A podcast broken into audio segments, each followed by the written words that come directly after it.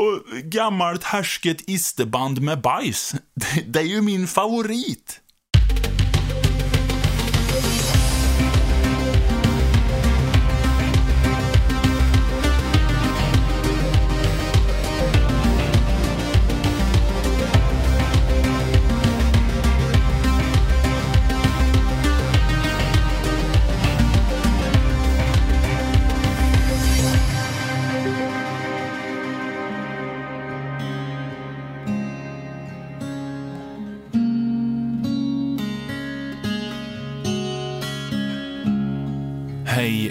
Välkomna till Ismail Atarias podcast. Det är jag som är Ismail Ataria och jag är poet, bara så att ni alltjämt vet det. Ett år nu har vi befunnit oss i coronans grepp. Det känns svindlande. Tiden har både gått fort och väldigt sakta tycker jag.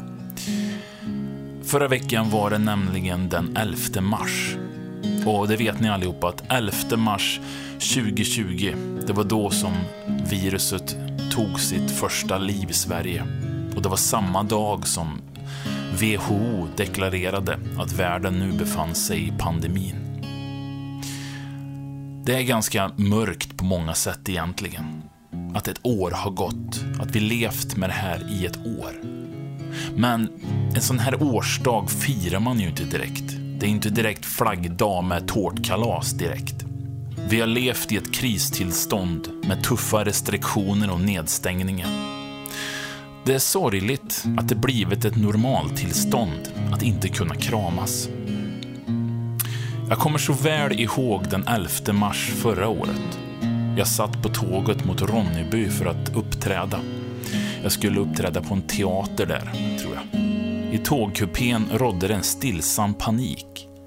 Det satt en chokladätande kvinna bredvid mig som spritade frenetiskt sina händer efter varje tugga. En bit choklad, handsprit, en bit choklad, handsprit och så vidare. Jag tänkte att fortsätter hon i den här takten så kommer hon ligga golvad innan vi nått nästa station.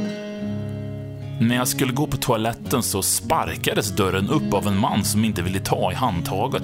Han kom ut med sina nytvättade händer i en lodrätt vinkel. Han såg ut som en, ni vet, en doktor på väg till en blindtarmsoperation. I tågets korridor möttes våra blickar och rädslan speglade sig i varandras ögon.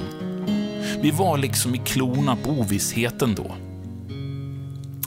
Och ett år senare så lever vi fortfarande med den här osäkerheten. Förra våren kunde ju människor säga saker som “ja, men vi ses till midsommar” med en ton av att pandemin skulle ha försvunnit tills dess. Vi har lärt oss att verkligheten är mer komplex.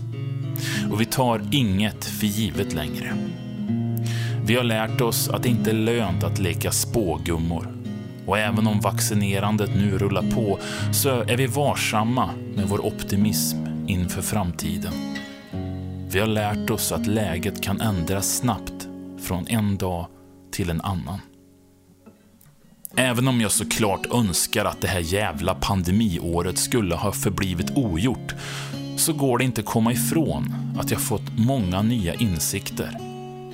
Hur har året med pandemin påverkat mitt liv och vad har jag lärt mig?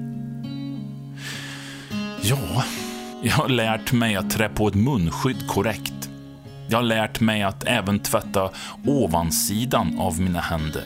Samt att tvål och vatten alltid trumfar handspriten när det gäller corona. Jag har lärt mig att toalettpapper, ja, det är det sista jag behöver hamstra i kristider. Och jag har lärt mig vilka klockslag som det är minst antal människor i butiken. Jag har lärt mig att hålla avstånd till människor. En och en halv meter sägs det ju.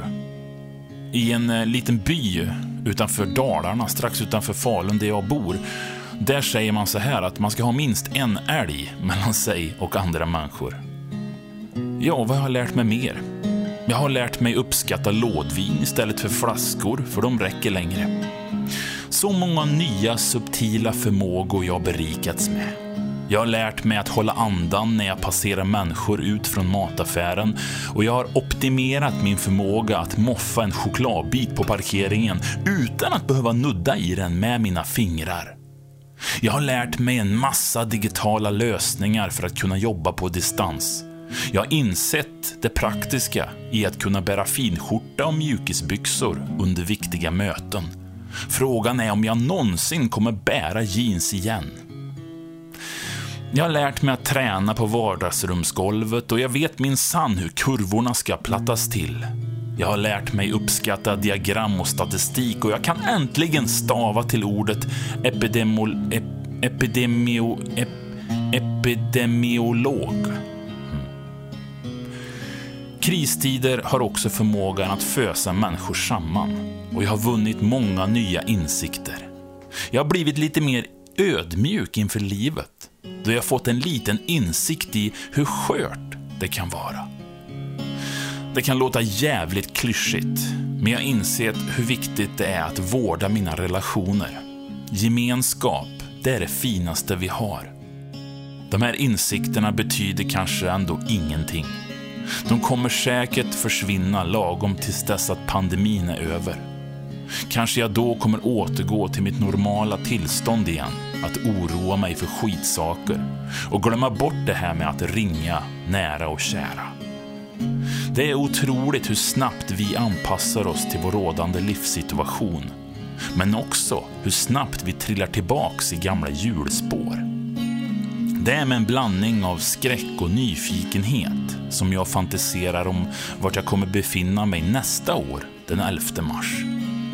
Vilka insikter och lärdomar har jag då fått?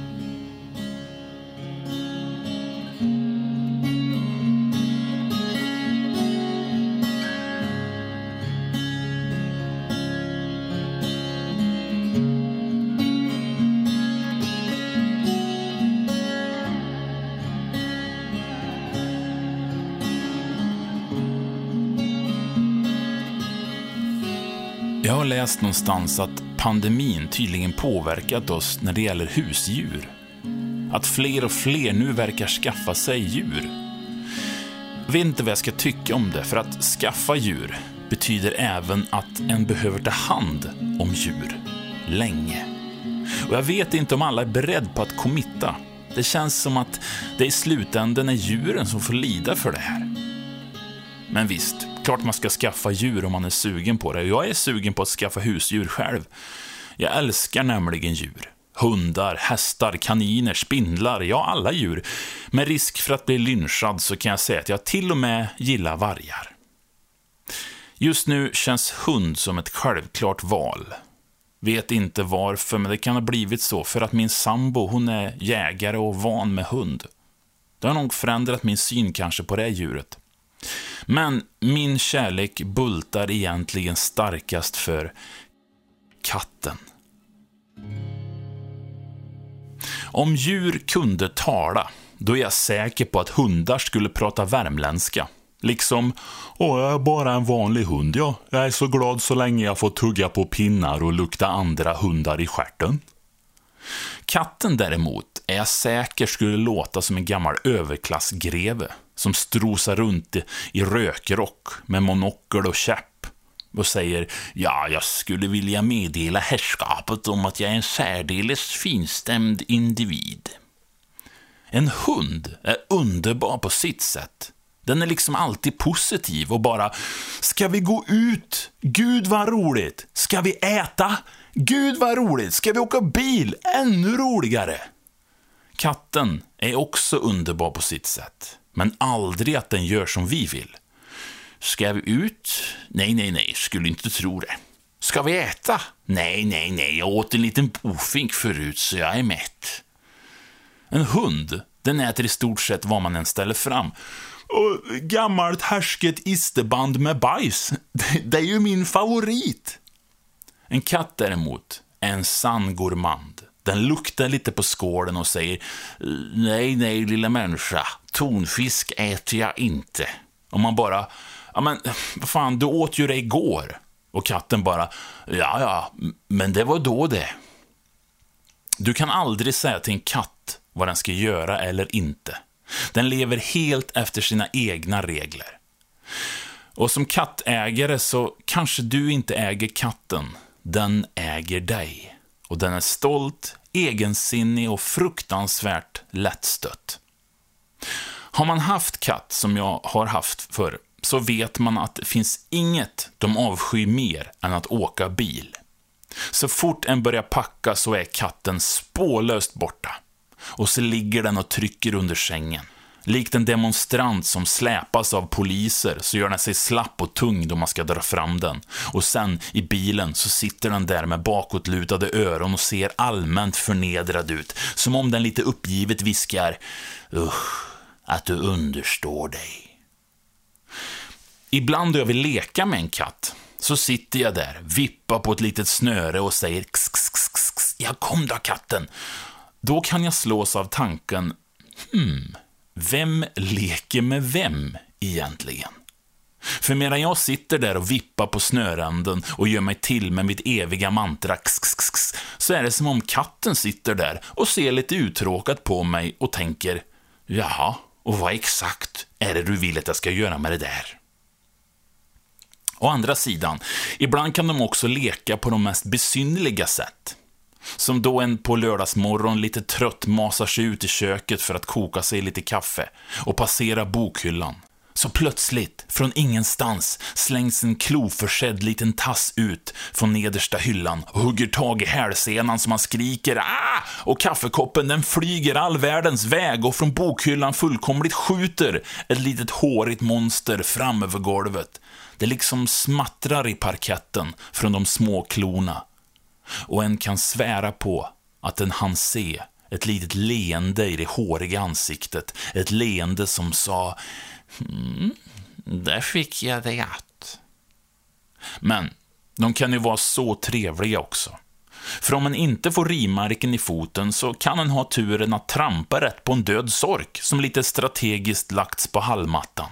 Som en present, liksom, ja, den där får du av mig. Och jag tror att de bara vill statuera något egentligen. De vill visa oss vad de är kapabla till. Det är som ett avhugget hästhuvud i sängen. Det är liksom, ja, så där kan det gå när man tvingar mig att åka bil. Och visst kan en katt också vara otroligt kramgo och helt underbar när den själv vill. Då kan den hoppa upp på oss och börja göra sin hjärtmassage, eller vad det är de gör då de står där och trampar på bröstet. Och kurrar och vi klappar, klappar och gossar och utbrister. Åh, vilken god liten kissekatt. Grejen är bara den att de inte alls gossar med oss. De märker bara in oss. Vi utgör nu bara en del av deras revir. Vi är nu precis lika viktiga som dörrposten, lampskärmen och skorna på hyllan. Så varför i hela världen längtar människor efter katt?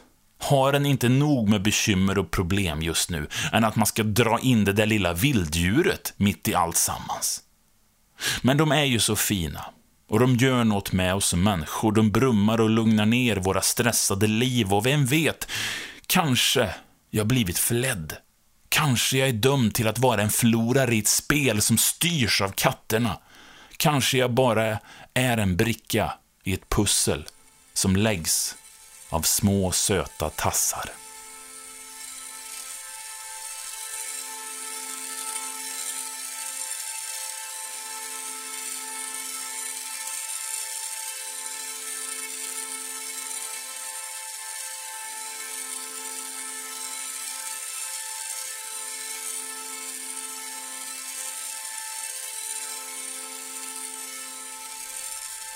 Det finns en känsla som ibland kan drabba med en oerhörd kraft mitt i vardagen. Mitt under bilfärden på jobbet eller på skogspromenaden. Ni vet den där känslan av att det är något som känns bekant. En känsla som gör att den börjar bläddra i minnesbanken och säger till sig själv att konstigt, det känns som jag varit med om det här förut. Den där känslan har ett franskt namn. Den kallas déjà vu. Det är känslan av att man av någon anledning finner en situation välbekant, nästan som att en har upplevt den redan. Men herregud, är inte livet en enda lång déjà vu just nu? När den liksom sitter där och utbrister “Men, har jag inte betalt den här elräkningen förut?” Eller “Hm, vänta nu, nu fick jag den där franska känslan igen. Har inte jag suttit exakt på den här platsen vid köksbordet och ätit tacos någon fredag förut?” I filmen Matrix så pratas det om att det är en glitch i systemet. Ni vet, ni som har sett den, att vi alla är batterier i de stora maskinernas konspiration. Men det är ju fiktion. Egentligen tror jag att déjà vu är mer lättförklarat. Det handlar om att vi faktiskt gjort väldigt mycket, väldigt många gånger förut, på snarlika sätt. Speciellt nu, när ett år av pandemin har passerat och kramarna nästan känns mer avlägsna än någonsin. Då är det lätt att falla in i den där franska känslan. När året känns som en enda ond jävla loop. Att vi fastnat i ett limbo. Men att uppleva samma sak igen behöver väl inte vara kopplat till något negativt? Jag menar upprepningar och rutin. Är inte det vad som kallas vardag? Men ibland så känns det lite så.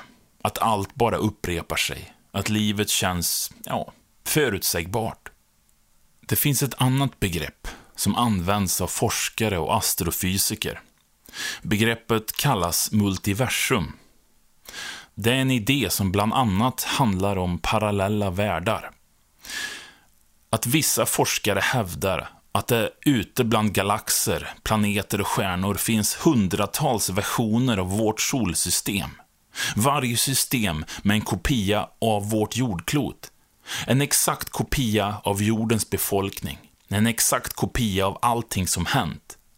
Teorin säger också att alla dessa versioner skiljer sig åt på olika sätt.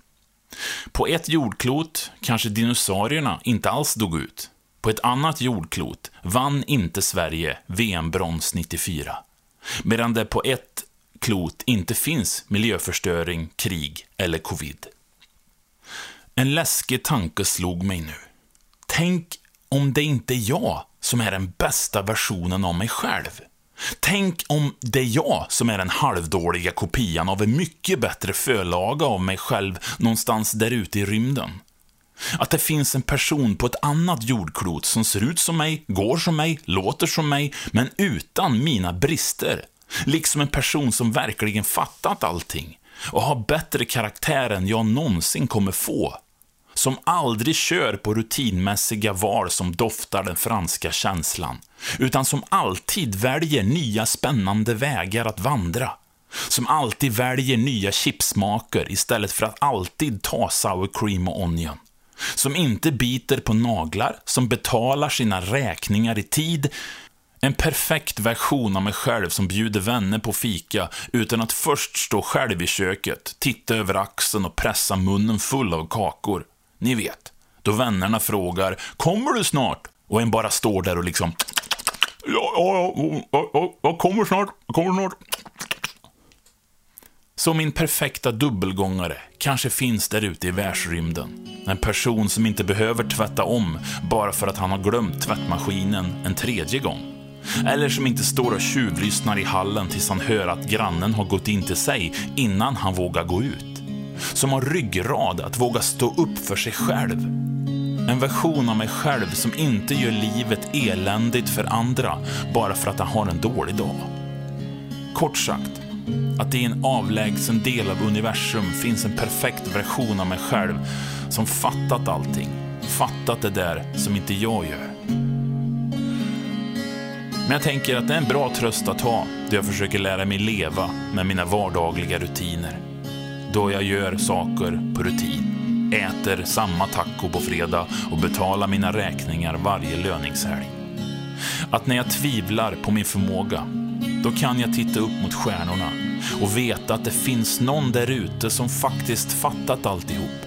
En perfekt Ismael som lever det perfekta livet medan jag försöker få mitt lilla välbekanta hjul att snurra runt och fungera. Här, på min sida av galaxen.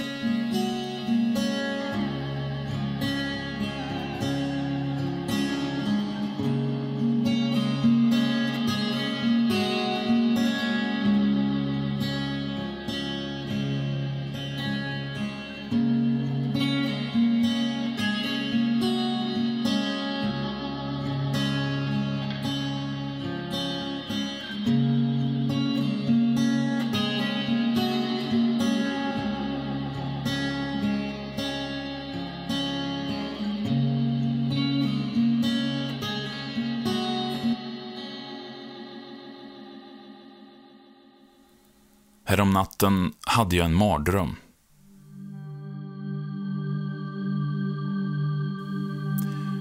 Jag drev ned för en flod. Vid kanterna låg svällda kroppar och vaggade, stinna av snabbmat och kallprat. Gamla tv-skärmar flimrade in i skogen och människor knäböjde framför ett altare av kött och billig underhållning. Vid sidan av floden satt alla så kallade heliga män. De var i fullt bestyr med att sätta punkter och utropstecken i sina heliga skrifter. Mellan deras breda ryggar som jobbade frenetiskt kunde jag se ett litet barn smyga runt och sy in frågetecken mellan de tätt vävda sidorna. Men ingen verkade intresserad av att se något. Alla satt där och stirrade rätt in i skogen de såg ingenting utom filmerna av sig själva. De verkade besatta av hur många streams och views det fanns av sin egen avfilmade begravning.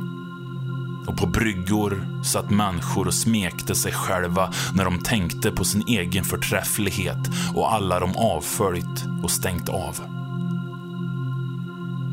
Härom natten drömde jag en mardröm. Jag drev längre ned Städer passerade. Byggnader hang grådaskiga och odiskade mot trasiga himlar fyllda av gift och dött fågelkött. Spillror av trasiga gardiner hängde ner över fönstren i villakvarteren där bilarna stod hastigt parkerade och lämnade öppna för vem som helst att titta in i. Framför mina ögon såg jag förfallet jag såg vuxna barn som band ihop varandra med ringar för att skapa ett gemensamt liv i tron att det väver ihop dem, då det egentligen nystar upp deras personligheter. Gör dem till motsatta magneter med en förmåga att endast gnälla och jämra sig inför vänner och bekanta. Köpa mer prylar och saker för att täta hålen. Hålla sin själ flytande fram till pension och kanske till sist i kistan. Häromnatten drömde jag en mardröm. Jag såg övervuxna män i silvergrå kostymer som stack fjädrar i flinten. Försökte smuggla in lite andlighet i det tomma pratet runt mikrofonerna och vattenkarafferna. Jag såg döva öron och selfies till varje pris. Jag såg en elit uppblåst som liken i floden. Jag såg tungor hänga som slipsar för att slicka det blekfeta hakvecket jag såg världen kröka rygg för uppgivenheten. Böja sina nackar över skärmen och sätta tandraden mot mobilens kant. Invänta slaget bakifrån. Ljudet av krossat porslin. Då värdet av att vara människa försvann ner i golvbrunnen. I två sekunder vaknade jag till. Jag hörde min son sova. Jag hörde min sambo sova.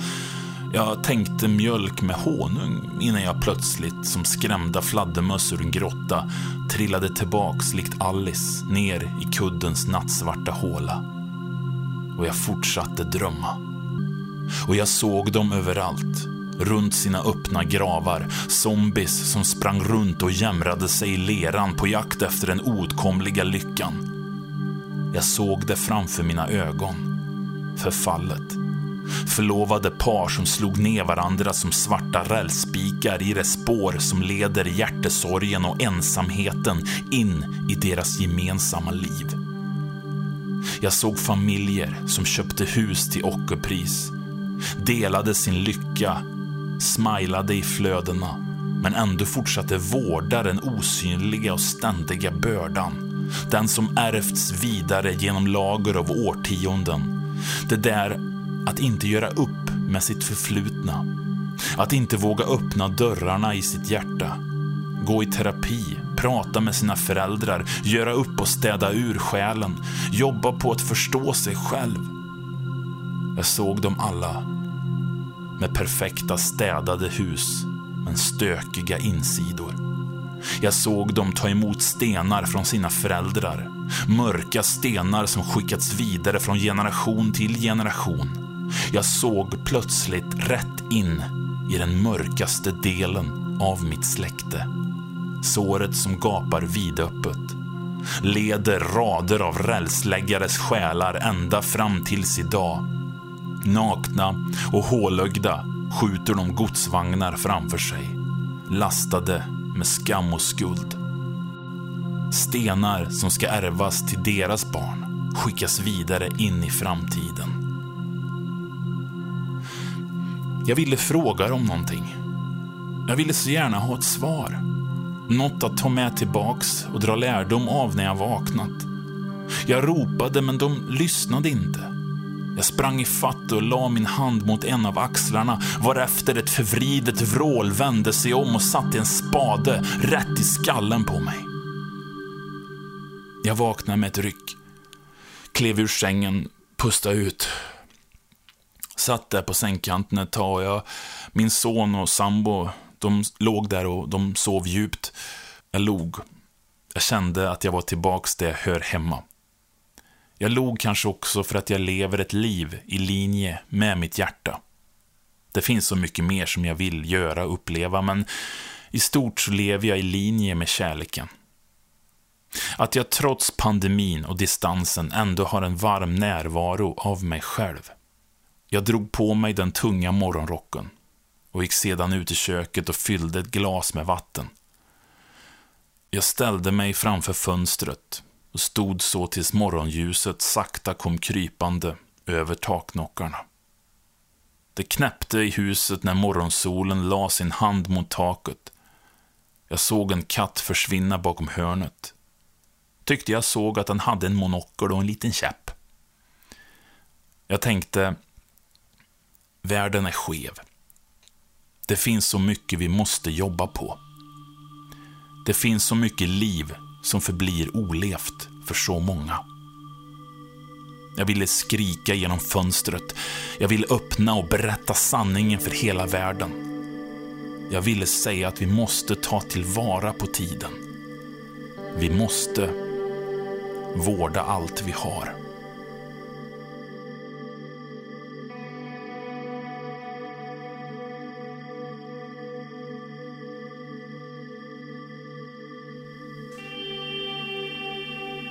Du kommer ligga klubbad och sörja i ett bortglömt hörn. Kanske stora starka tvivel och en liten lätt självmordstanke. Du kommer att se tillbaks på allt blind av tårar, vifta näsduk och nästintill ta avsked. Men det är först då som livet ska vända sig om och som en romantisk slutscen på en flygplats komma springande tillbaka. Du kommer att vilja lämna allt, men av okänd anledning ändå stanna. Ditt hjärta kommer att vara vidöppet och utan att du ser det eller kan begripa så kommer det fyllas till bredden med både värme och en känsla som slår andan ur dig samtidigt som lungorna fylls. Du kommer känna en längtan efter att plocka upp alla lösa trådar. Få tillbaka lusten till att dansa fram över glipande golvplankor och återigen väja undan för lågorna som slår igenom. För dina varsamma steg blir slutligen en rytm och dina tårar bildar den sjö som skickar varma vågor genom ditt liv för seglen framåt igen. Och du kommer att vilja dansa du kommer att vilja dansa igen. Som efter ett gigantiskt fingerknäpp kommer du att klarvaken stå och känna varma löv singla genom din kropp. Rötterna ska pumpa runt ett nytt sorts blod som äntligen lärt sig det där som Karin Boye skrev, att det är resan som är mödan värd. Ditt hopp kommer åter dingla på en krok, ner i de djupa vattnen, där lyckan seglar med välgödda fenor. Och när du vänder dig om, så ska dina fotsteg glittra bland skiten. Du kommer att känna att dina nederlag, att alla dina vacklande år av oro inte alls var av ondo, utan att du faktiskt lärde dig något. Att livskriser är kungliga kronor som till sist kröner oss, ger oss förmågan att dansa den sortens dans som både svänger och blöder. För ditt försiktiga nynnande blir slutligen en hymn och ditt slitsamma stickande blir till sist ett täcke som läggs över ditt liv som en silkeslen smekning för kind och ande. Och du, du kommer vilja dansa. Du kommer att vilja dansa igen. Och du kommer att stanna upp för två sekunder, liksom fastfruset och din kropp kommer att falla ihop likt vattnet, splash, som en svallvåg över golvet. Och kvar kommer din själ att stå, naken, liksom ny. Och du, du kommer att vilja dansa. Du kommer att vilja dansa igen.